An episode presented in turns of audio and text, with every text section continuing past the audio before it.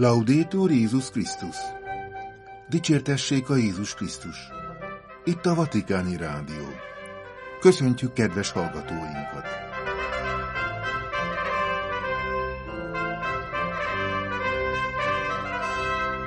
A mikrofonnál Vértesajai László. Hétfői adásunk témái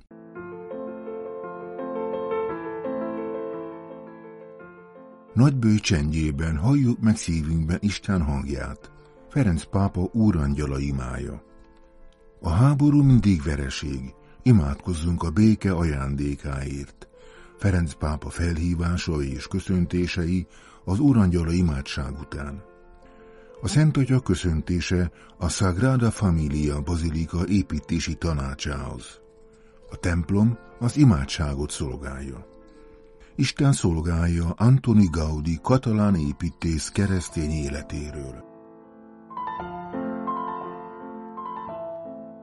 Nagy csendjében halljuk meg szívünkben Isten hangját. Ferenc pápa úrangyala imája. Cari fratelli e sorelle, buongiorno. Lépjünk bele lelkünk pusztájába, hallgassunk szívünkre, kapcsolatban maradva az igazsággal. Ismerjük fel és nevezzük nevükön a szívünket megosztó rendezetlen szenvedélyeket, halljuk meg az isteni sugallatokat, amelyek a mennyek ízét árasztják, tanította Ferenc pápa nagybőt első vasárnapján. A lélek vadállatai birtokolni akarják a szívünket, míg az angyalokat, Isten hírnökeit a szolgálat jellemzi. Nagybőjt annak az ideje, hogy küzdjünk a szívünket megosztó kísértések ellen, hogy belépjünk ebbe a csendbe, lelkünk pusztájába, és imába merülve halljuk meg Isten szívünkről szóló hangját. Buzdított rá a Szent Atya. Nagybőlt első vasárnapján az evangéliumi szakasz a pusztában megkísértett Jézus mutatja be nekünk. Il Vangelo ci presenta Gesù tentato nel deserto. Kezdte beszédét a pápa, idézve Márk evangéliumából. Negyven napon át a pusztában maradt, közben megkísértette a sátán. Mi is arra kapunk meghívást a nagybőjben, hogy belépjünk a pusztába, vagyis a csöndbe, a belső világba, hallgatva szívünkre, kapcsolatban az igazsággal, mutatott rá a Szent Atya. Ismét idétett a vasárnapi evangéliumi szakaszból, amely hozzáteszi, hogy a pusztában Krisztus vadállatok között élt, de angyalok szolgáltak neki. Vadállatokból és angyalokból állt a társasága, de jelképes értelemben ez a mi társaságunkra is utal. Amikor belépünk a belső pusztaságunkba, találkozhatunk vadállatokkal és angyalokkal, fejtette ki Ferenc pápa. Ezután feltette a kérdést, milyen értelemben van szó vadállatokról. A lelkéletben gondolhatunk a rendezetlen szenvedélyekre, amelyek megosztják szívünket, és megkísérlik, hogy birtokukba vegyék. Befolyásolnak, csábítónak tűnnek, de ha nem vigyázunk, fennáll annak a kockázata, hogy ezek a szenvedélyek darabokra tépnek bennünket. Figyelmeztetett rá a Szent Atya, majd megnevezte a léleknek ezeket a vadállatait. Ide tartoztak a különféle bűnök, a gazdagság utáni féktelen vágy, amely a számítás és az elégedetlenség börtönébe zár be minket, az élvezet hiúsága, amely nyugtalanságra és magányra ítél, aztán a hírnév utáni vágy, amely bizonytalanságot nemz, valamint szüksége van szüntelen megerősítésre és arra, hogy mindig főszerepet játszunk. A pápa arra intett, hogy ne feledjük el ezeket a dolgokat, amelyekkel találkozhatunk önmagunkban. Féktelen vágy, hiúság és kapzsiság. Ezek mind olyanok, mint a vadállatok, ezért vadállatokként kell megszelidíteni őket és küzdeni ellenük. Különben felfolyják szabadságunkat, szögezte le Ferenc pápa, majd hozzátette.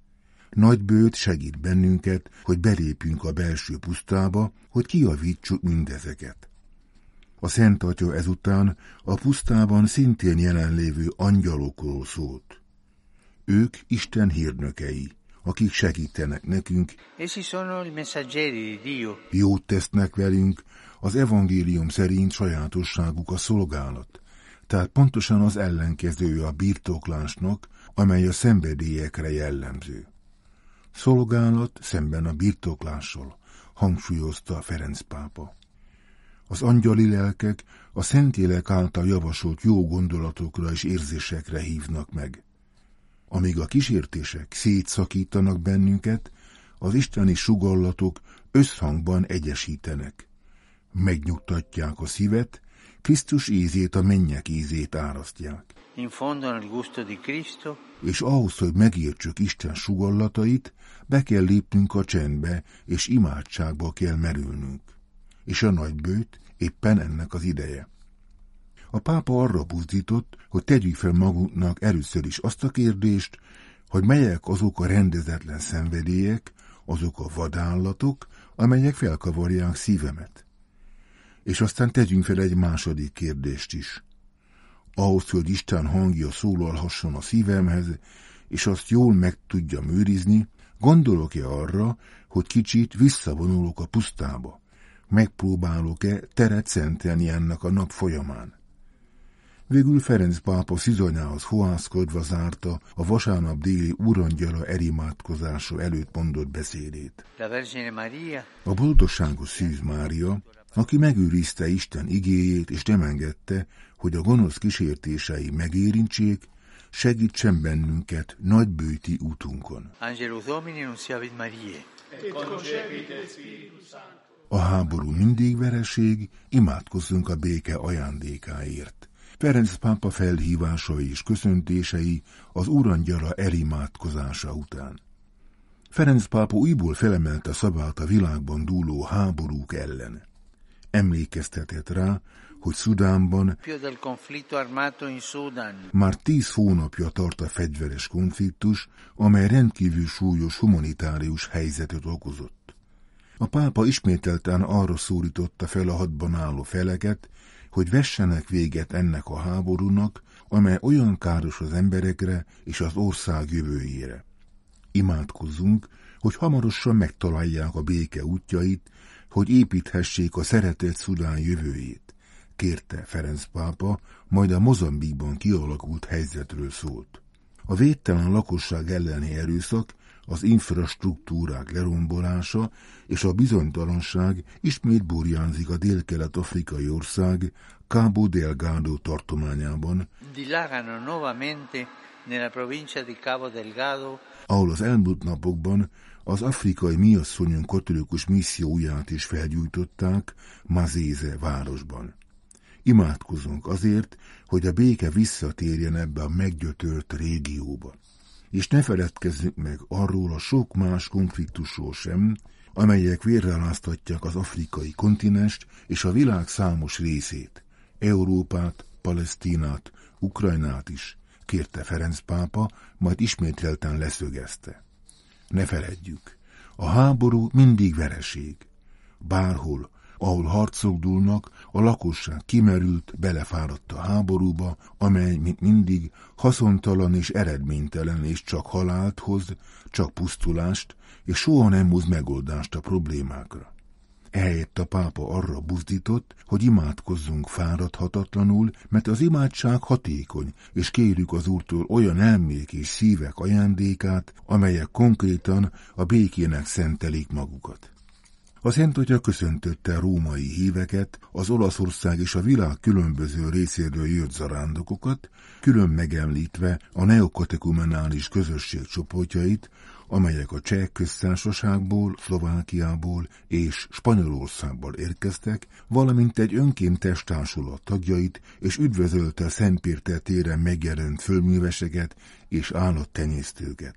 e saluto i coltivatori e gli allevatori presenti in piazza. Ferenc pápa ezután bejelentette, hogy vasárnap délután a római kúria munkatársaival együtt megkezdi a nagybőti lelki gyakorlatot. Arra kérte a közösségeket és a híveket, hogy ebben a nagybőti időszakban és a jubileumra való felkészülés évében, amely az imádság éve, szenteljenek különleges pillanatokat, hogy imába merüljenek az Úr jelenlétében.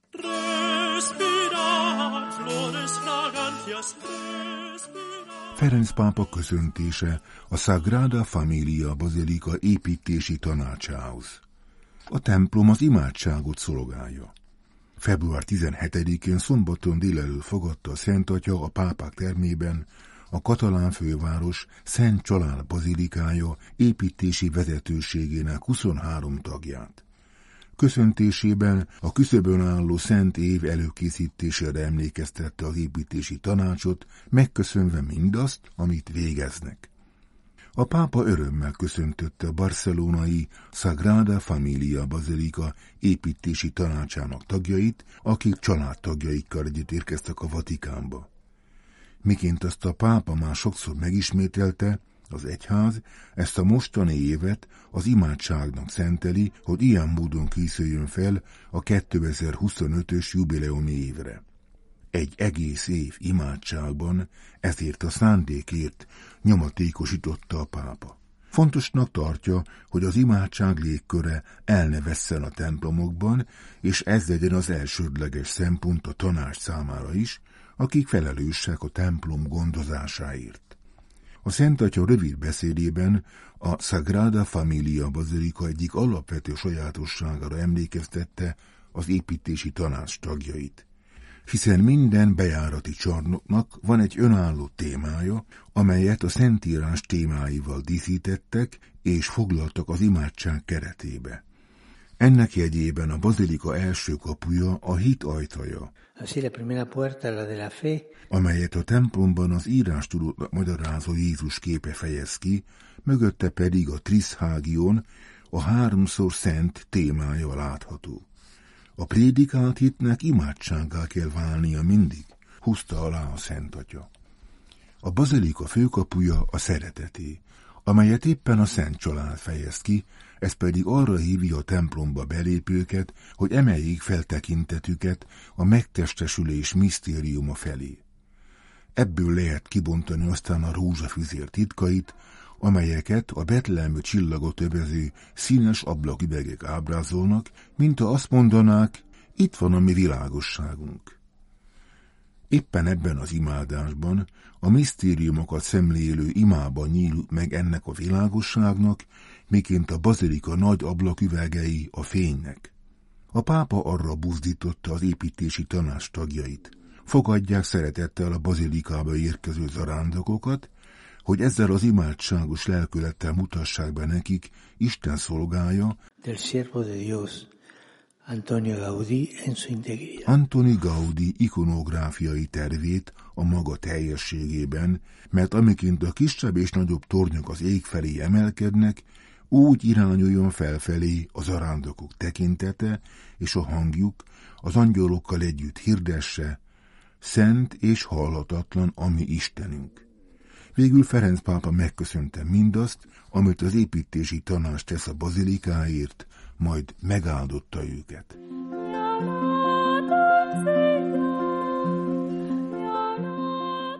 Isten szolgája Antoni Gaudi katalán építész keresztény életéről.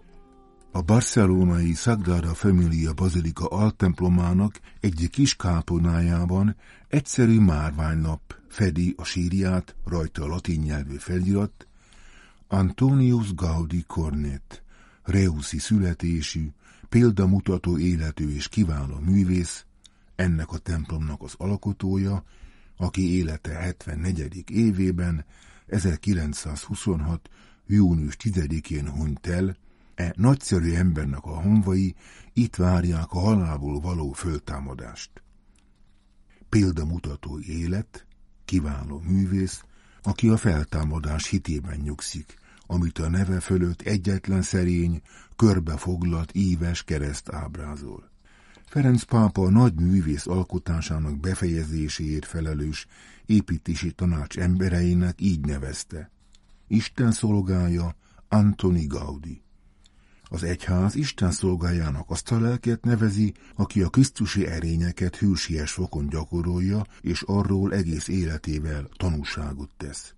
Ez a mély hit, Gaudi, és vele együtt egész életművel megértésének a kulcsa. A sírfelirat jelezte 74 év, 1852 és 1926 közé feszül, amely a művészet történetében éppen a nagy váltás kora. Gaudi éppen 20 éves, amikor Claude Monet 1872-ben megfesti az impressionizmus zászlóbontó, a felkelő nap impressziója című festményét. Gaudi benne van ebben a megújító és mozgalmas korszakban, részt is vesz benne, de mégsem sodródik, hanem saját művészetének kormányosa marad. Kezében a kormányrúd és a hajója része annak a nagy bárkának, ami a Krisztus test, Anya Szent Egyház. Részműves apja indítja művészi eszmélését az építészet világában, a kortárs John Ruskint olvassa, és vele együtt csodálkozik rá William Turner műveire. De meglátja a sokfelé nyitó és lassanként széteső esztétikai keresésben a hit hűségét is, ahogy például a pré-rafaeliták próbálkoztak. Gaudi legtöbbet a hispániai kultúra saját örökségéből merít. Így a fantáziadus mór, az égbe emelkedő gótikus stílus, illetve annak francia neogótikus próbálkozásai. Gaudira jellemző az összefoglalás, az egységbe szervezés képessége, és ebből fakad, hogy végül az organikus építészet képviselője lesz, és marad hozzá hűséges mindvégig. Katalán mi voltára is büszke, hitvalló keresztény, ma minden bizonyal még nehezebb lenne számára az élet, mint saját korában volt. Szerencsére nem élte meg a spanyol polgárháborút, mert talán a vad anarchista őt is megölték volna, mint ahogy felégették terveit és vázlatait. 1883-ban vette át Gaudi a barcelonai Sagrada Familia templom építési feladatát, és életének hátralévő 43 évében egyre inkább már csak ezzel foglalkozott. Az eredetileg neogótikusnak tervezett templom stílusa vele együtt egészen más irányt vett, és lassanként megteremtette azt a szerves egységet, amelybe különféle irányzatokat hangolt egymásba és egymás mellé. A templomot, bár még nem készült el teljesen, a 128 évi munka után sem, végül 2010. november 6-án 16. Benedek pápa szentelte fel, és emelte bazilika rangjára. Napjainkban immár majd húsz éve a Sagrada Familia Spanyolország leglátogatottabb idegenforgalmi látnivalója, az évi két-három millió látogatóval megelőzi a világhírű madridi Prado képtárat és a gyönyörű granadai Alhambrát. Gaudi határozott, erős jellemű, ugyanakkor derűs és barátságos ember volt, ebben is következetesen organikus. Vallotta, hogy áldozat nélkül nincs fejlődés, ezért a nélkülözést is vállaló szigorú és imádságos életet élt. Napjait a liturgián átélt részvétel hatotta át, mélységesen tisztelte szerette a szűzanyát, Szent Józsefet, az angyalokat és a szenteket. 74 évesen egy villamos gázolt el, és minthogy nem ismerték fel a nagy építést a balesetkor, a Szent Kereszt szegény kórházba került, de ezzel is csak a vég akarata teljesedett be, hiszen testamentuma szerint köztük akart meghalni. Utolsó szavai a következők voltak, Amen. Istenem, Istenem. Halála után 74 évvel, 2002-ben Szent második János Pál pápa írta alá a dekrétumot, amely elismerte Isten szolgája Antoni Gaudi hősies erényeit.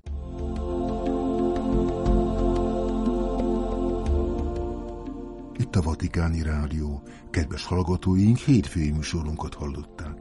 Figyelmüket köszöni, és búcsúzik a mai adás szerkesztője, Vértes Aljai László. Dicsértessék a Jézus Krisztus. Laudétur Jézus Krisztus.